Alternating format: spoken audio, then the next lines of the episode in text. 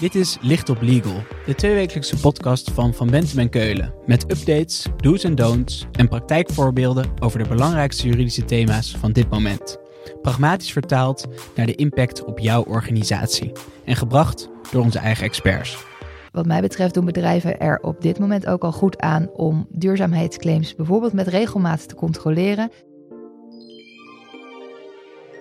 Consumenten vinden duurzaamheid steeds belangrijker en kiezen daarom vaker voor duurzame producten.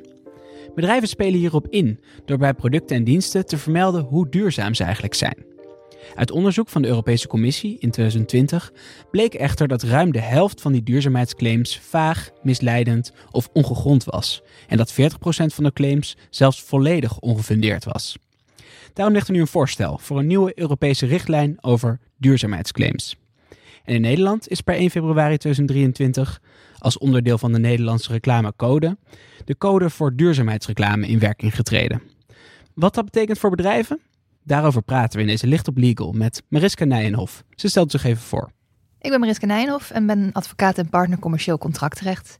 Ik hou me dagelijks bezig met het adviseren en onderhandelen over en het opstellen van commerciële contracten. Zoals bijvoorbeeld agentuur, distributie en franchise-overeenkomsten. En dat doe ik met name voor cliënten in de retail.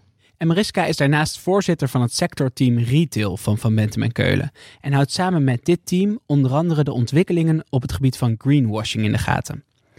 Mariska, duurzaamheidsclaims. We kunnen ons er wel wat bij voorstellen, maar toch, wat zijn het eigenlijk? Ja, goede vraag. Duurzaamheidsclaims, dat zijn uitingen die bedrijven vrijwillig gebruiken om hun producten en diensten te promoten. Dus een duurzaamheidsclaim kan een milieuclaim zijn of bijvoorbeeld een ethische claim. En als je dan kijkt naar milieuclaims, dat suggereert of wekt de indruk dat een product of activiteit een positieve, minder of geen invloed heeft op het milieu. En als je dan kijkt naar die ethische claims, dat wekt de indruk dat de fabricage van een product of de uitvoering van een activiteit, eh, dat die zijn gedaan volgens bepaalde ethische standaarden. En dat kan bijvoorbeeld zien op algemene arbeidsomstandigheden, eh, dierenwelzijn ehm, of maatschappelijk verantwoord ondernemen. Precies. Een milieuclaim is bijvoorbeeld hierbij komt tenminste CO2 vrij. Een ethische claim is dan dit product is slaafvrij geproduceerd. Mogen bedrijven duurzaamheidsclaims eigenlijk altijd gebruiken? Ja, consumenten moeten erop kunnen vertrouwen dat duurzaamheidsclaims kloppen. Dus misleiding over duurzaamheid door bedrijven moet worden tegengegaan. En deze misleiding wordt dan ook wel greenwashing genoemd. En greenwashing is dus het misleiden van consumenten door te claimen dat producten duurzamer zijn dan ze daadwerkelijk zijn. Um, en bedrijven kunnen bijvoorbeeld de duurzaamheid van een product overdrijven of verkeerd weergeven. Of zelfs claims doen die niet kunnen worden bewezen, niet relevant zijn of juist onwaar zijn. In Nederland houdt de Autoriteit Consumentenmarkt hier toezicht op. En de ACM kan bijvoorbeeld boetes opleggen of lasten onder dwangsom. Oké, dat greenwashing willen ze dus tegengaan. Maar wat is er eigenlijk zo erg aan? Een klein beetje aandikken, dat is toch de essentie van reclame maken? greenwashing tast het vertrouwen van de consumenten in duurzaamheidsclaims aan. En consumenten raken daardoor minder gemotiveerd om duurzame goederen te kopen en te gebruiken. En daarnaast leidt greenwashing tot concurrentievervalsing. Want bedrijven die investeren in duurzaamheidsvoordelen van hun producten of diensten en consumenten daarover goed informeren, die worden dan benadeeld. Zij kunnen zich voor de consument niet onderscheiden van bedrijven die consumenten misleiden over de duurzaamheid van hun producten. Oké, het gaat dus over het vertrouwen van de consument en het voorkomen van oneerlijke concurrentie. Er zijn ongetwijfeld juridisch kaders voor duurzaamheidsclaims. Wat zijn die op dit moment? Als je nu kijkt naar duurzaamheidsclaims, dan moet je kijken naar de regels over oneerlijke handelspraktijken. En die regels zijn gebaseerd op de Europese richtlijn oneerlijke handelspraktijken. En de Europese Commissie heeft daarvoor richtsnoeren gepubliceerd. En op basis daarvan heeft onze ACM weer een leidraad gemaakt met vijf vuistregels voor bedrijven die gebruik maken van duurzaamheidsclaims. En voor het formuleren van claims over sommige producten en diensten gelden dan weer hele specifieke eisen. En die zijn terug te vinden in hele bijzondere EU-wetgeving. En tot slot moet je als bedrijf bij het formuleren van zo'n claim ook nog houden aan de regels voor het maken van verantwoorde reclame. En die regels zijn dan weer opgesteld door de Stichting Reclamecode. Het valt dus onder het containerbegrip oneerlijke handelspraktijken. Maar wat zijn dat precies? Als je kijkt naar die oneerlijke handelspraktijken, dan zijn er eigenlijk twee hoofdcategorieën van dat soort praktijken. Je hebt enerzijds de misleidende handelspraktijken en anderzijds de agressieve handelspraktijken. Als we naar die eerste kijken, dan gaat het om uh, feitelijk onjuiste of misleidende informatie, of juist het weglaten van essentiële informatie. Um, of de ondernemer verstrekt informatie niet uh, op een duidelijke of begrijpelijke wijze. Als je kijkt naar die agressieve handelspraktijk, is het een ondernemer die de consument beïnvloedt op een ongepaste wijze. Denk dan bijvoorbeeld aan intimidatie, dwang of het gebruik van geweld. Juist, twee categorieën. En dat mag dus niet. Dat klopt, want uh, die misleidende agressieve handelspraktijken die zijn onrechtmatig. Wat je er namelijk mee doet, is het vermogen van de gemiddelde consument om een geïnformeerd besluit te nemen. Uh, dat, dat beïnvloed je daardoor. En daardoor neemt misschien de gemiddelde consument een besluit wat hij anders niet had genomen. En de ACM heeft dus specifiek voor duurzaamheidsclaims een aantal vuistregels opgesteld. Welke zijn dat? Ja, dat klopt. Ehm, de ACM heeft een leidraad duurzaamheidsclaims opgesteld en daarin dus vijf vuistregels geformuleerd voor bedrijven die gebruik maken van duurzaamheidsclaims. De eerste vuistregel uh, die luidt als volgt: maak duidelijk welk duurzaamheidsvoordeel een product heeft.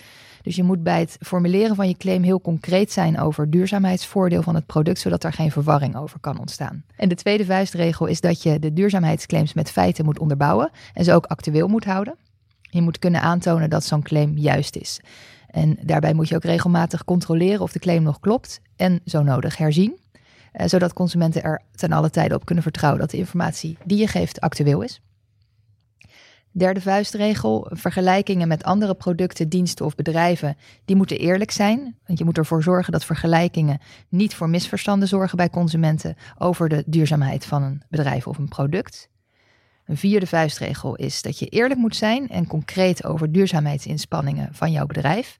Dus je moet onderscheid maken tussen algemene informatie over inspanningen van je bedrijf en specifieke informatie bij de voordelen van een product. Je mag een claim over toekomstige doelstellingen alleen voor marketingdoeleinden gebruiken als er een duidelijke, concrete en meetbare aanpak is om de doelstellingen te bereiken. Dan nog de laatste vuistregel. Uh, zorg dat als je visuele claims gebruikt en bijvoorbeeld keurmerken, um, dat ze behulpzaam zijn voor je consument en niet verwarrend. Je mag dus alleen duidelijke symbolen, afbeeldingen of keurmerken gebruiken die geen verkeerde indruk over de duurzaamheid wekken en die de claim rechtstreeks ook ondersteunen. En verder mag je alleen logo's en symbolen gebruiken die de duurzaamheidsstandaarden weergeven waarvoor een product officieel gecertificeerd is. Volgens mij een vijftal vrij concrete handvatten. En dan zijn er nog de regels van de Stichting Reclamecode, vertelde je. En die zijn dus recent aangepast. Dat klopt. Uh, per 1 februari 2023 zijn de aangepaste regels in werking getreden. En het gaat dan om de code voor duurzaamheidsreclame. En die code die beoogt te stimuleren dat op verantwoorde wijze duurzaamheidsreclame wordt gemaakt. Uh, duurzaamheidsreclame is reclame waarin één of meerdere uh, duurzaamheidsclaims worden gemaakt. En het is belangrijk om te weten dat die nieuwe code de milieureclamecode vervangt. En wat was daarmee aan de hand? Dat was een reclamecode die alleen betrekking had op milieuclaims. De nu geldende regels gelden voor alle duurzaamheidsclaims, dus ook voor de eerder genoemde ethische claims. En het is goed om te weten dat de hoofdregels zijn ongewijzigd gebleven. Dus beweringen op het gebied van duurzaamheid mogen niet misleiden en moeten aantoonbaar juist zijn. En in de reclame mag je aandacht besteden aan je duurzaamheidsambitie, mits het maar duidelijk is dat het om een streven gaat en dat het een haalbare doelstelling is. Dus er zijn al sinds 1 februari 2023 nieuwe Nederlandse regels. En dan ligt er nu ook een voorstel van de Europese Commissie in het verschiet. Jazeker. Op 22 maart 2023 heeft de Europese Commissie een richtlijn in zaken groene claims voorgesteld. En deze heeft dan betrekking op groene claims van bedrijven waarbij een positief milieueffect, een minder negatief effect, geen effect of een in de tijd verbetering wordt geclaimd of geïmpliceerd voor producten, diensten of de wijze van de organisatie van het bedrijf.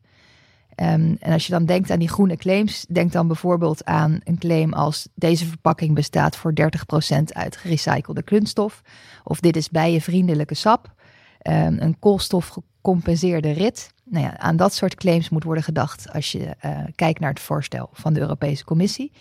Het voorstel heeft dan betrekking op expliciete en vrijwillige claims van bedrijven ten behoeve van de consument. En die gaan over de milieueffecten of de milieuvriendelijkheid van het product. En daarbij moet je dan rekening houden met de hele levenscyclus, dus van grondstoffen tot het einde van de levensduur. En daarbij is wel van belang om te vermelden dat dit dus alleen ziet op milieuclaims en weer niet op die eerder genoemde ethische claims. Maar daar moet je natuurlijk wel op blijven letten, want de Nederlandse regels zien wel op ethische claims. Maar de groene claims, waar de Europese Commissie over spreekt, die wil je kunnen checken en handhaven. Hoe gaat dat? Ja, op basis van de voorgestelde richtlijn moeten de lidstaten ervoor zorgen dat bedrijven de minimumeisen in zaken staving van claims en communicatie naleven wanneer ze op vrijwillige basis van groene claims gebruik maken. de lidstaten moeten dus zelf gaan zorgen voor verificatie en handhaving. En dit kunnen ze gaan doen door onafhankelijke en geaccrediteerde verificateurs. Helder, dat is natuurlijk vanuit de overheidskant. Maar kunnen er vanuit consumenten ook acties komen? Ja, het voorstel van de commissie houdt daar rekening mee, want daarin is bepaald dat bevoegde instanties, dan moet je denken aan consumentenorganisaties, dat die gerechtelijke stappen kunnen ondernemen om de collectieve belangen van consumenten te beschermen. En kunnen burgers ook zelf een collectieve actie starten? Ja, dat laten ze meestal doen door zo'n uh, collectieve organisatie, zo'n consumentenorganisatie of een vereniging die daarvoor wordt opgericht. Um, een, een, consument zelf kan bijvoorbeeld nog naar de uh, reclamecodecommissie stappen. Duidelijk. En welke gevolgen gaan die nieuwe regels nou hebben voor bedrijven in Europa? Het, het voorstel ziet op minimumeisen uh, en die zien dan op het staven, communiceren en verifiëren van claims. Um, en het gaat dan om bedrijven, zoals gezegd, die vrijwillige claims willen doen. Bedrijven moeten in het vervolg de betrouwbaarheid van hun vrijwillige claims waarborgen en moeten hun claims op transparante wijze communiceren. En dan straks moet een onafhankelijke verificateur controleren of hun claims aan de eisen van de richtlijn beantwoorden. En die geeft vervolgens een in de hele EU erkend conformiteitscertificaat af. En het doel is dan dat dankzij deze gemeenschappelijke regels voor bedrijven die zich daadwerkelijk inspannen om milieuvriendelijke producten, diensten en organisatiemethoden te ontwikkelen en daadwerkelijk hun impact op het milieu verminderen, een concurrentievoordeel ontstaat. Maar hoe zit dat dan als ik een klein of middelgroot bedrijf ben? Daar heeft de Europese Commissie ook over nagedacht. Want om te voorkomen dat het voorstel onevenredige gevolgen heeft voor kleinere ondernemingen in vergelijking met grotere ondernemingen, zijn micro-ondernemingen vrijgesteld van de verplichtingen van dit voorstel, tenzij ze natuurlijk zelf die regels willen toepassen. Een micro-onderneming, dan moet je denken aan een onderneming met minder dan 10 werknemers en een omzet van minder dan 2 miljoen. Oh, dus die kunnen het eigenlijk gewoon wat mooier maken dan het is. Zeker niet. Nee, die uh, mogen zich ofwel vrijwillig aan de regels houden, uh, maar zijn dus niet verplicht zich daaraan te houden. Zij moeten natuurlijk ten alle tijde wel de eerder genoemde regels naleven, die eigenlijk op hetzelfde neerkomen als wat dit voorstel boogt. En daarbij gaan de bedrijven die niet onder deze Europese regels gaan vallen, wel aangemoedigd worden om aan de groene transitie deel te nemen. Um, en het voorstel van de Europese Commissie roept de lidstaten dan ook wel op om dit soort bedrijven uh, te helpen toch aan deze regels te voldoen door bijvoorbeeld uh, financiële, organisatorische of technische steun te bieden. Dat voorstel voor de nieuwe richtlijn dat moet dus nog worden goedgekeurd. Maar waar moet je nu al als bedrijf mee aan de slag? Ja, wat in ieder geval al heel duidelijk is, is dat de ACM zich heeft toegelegd op het opsporen en tegengaan van greenwashing. En um, dat zij daar ook al heel veel onderzoek naar doen. Je ziet dat in de afgelopen jaren door de ACM al heel veel onderzoek is gedaan en dat er naar verluid ook nog onderzoeken lopen op dit moment naar diverse bedrijven. Dus wat mij betreft doen bedrijven er op dit moment ook al goed aan om duurzaamheidsclaims bijvoorbeeld met regelmaat te controleren en langs de vijf vuistregels van de ACM te leggen en zo nodig aan te passen. Precies. Regels over duurzaamheidsclaims zijn here to stay. Dus de tijd dat je met wat groene zin een mooie sier kan maken, dat is echt voorbij die tijd is echt voorbij. Mariska, dankjewel. Als we meer willen weten, waar kunnen we dan terecht? Je kan me altijd mailen op mariskanijenhof.vbk.nl of bellen. Mijn nummer vind je op de website. Dit was Licht op Legal, een podcast van Van Bentem en Keulen. Te beluisteren via Spotify, Apple Podcasts of je eigen favoriete podcast-app. Wil je meer weten? Heb je suggesties voor een onderwerp? Of wil je dat onze experts hun licht laten schijnen op jouw juridisch vraagstuk?